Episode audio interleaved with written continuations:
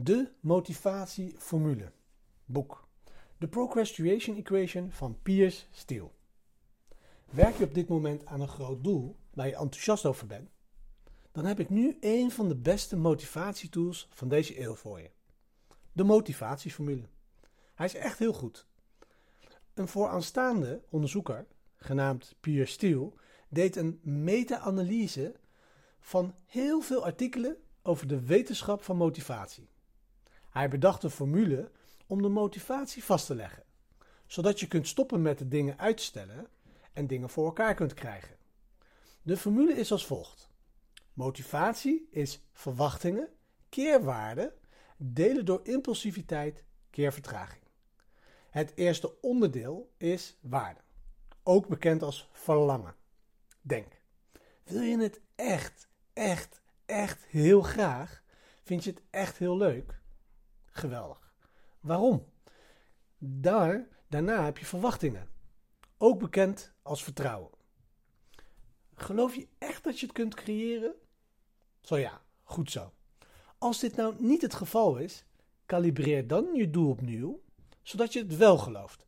Je hoeft natuurlijk niet enthousiast te zijn als je iets zoekt waarvan je niet eens denkt dat je het kunt creëren. Dat is natuurlijk een geweldige manier om de motivatie te verliezen en waarom dit zo belangrijk onderdeel is van je vergelijking. Oké, dat is onze wiskundige teller. Wil je een hoge motivatie? Maak dan van je verlangen keer je vertrouwen echt een hele grote waarde.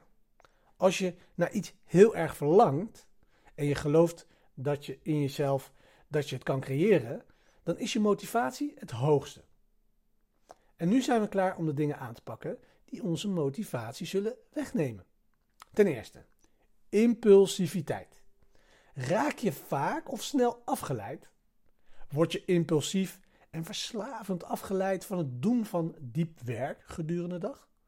Of word je steeds afgeleid van het nieuwste en beste glimmende idee dat in je opkomt? Dat is overigens een van mijn zwakten. Te veel goede ideeën. Vraag.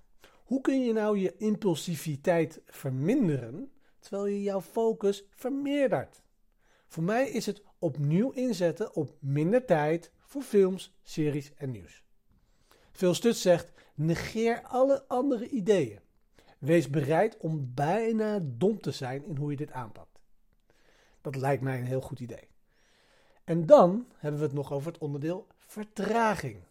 Als je jouw doel, als jouw doel bijvoorbeeld over een jaar is, zonder kleine micro uh, doelen, zal je nooit de topmotivatie behouden, want we moeten dus heel veel microwinst creëren. En dat doe je door van vandaag en elke dag daarna een meesterwerkdag te maken. Bepaal af en toe wat belangrijk is en win, win, win, win. Elke dag, de hele dag opnieuw.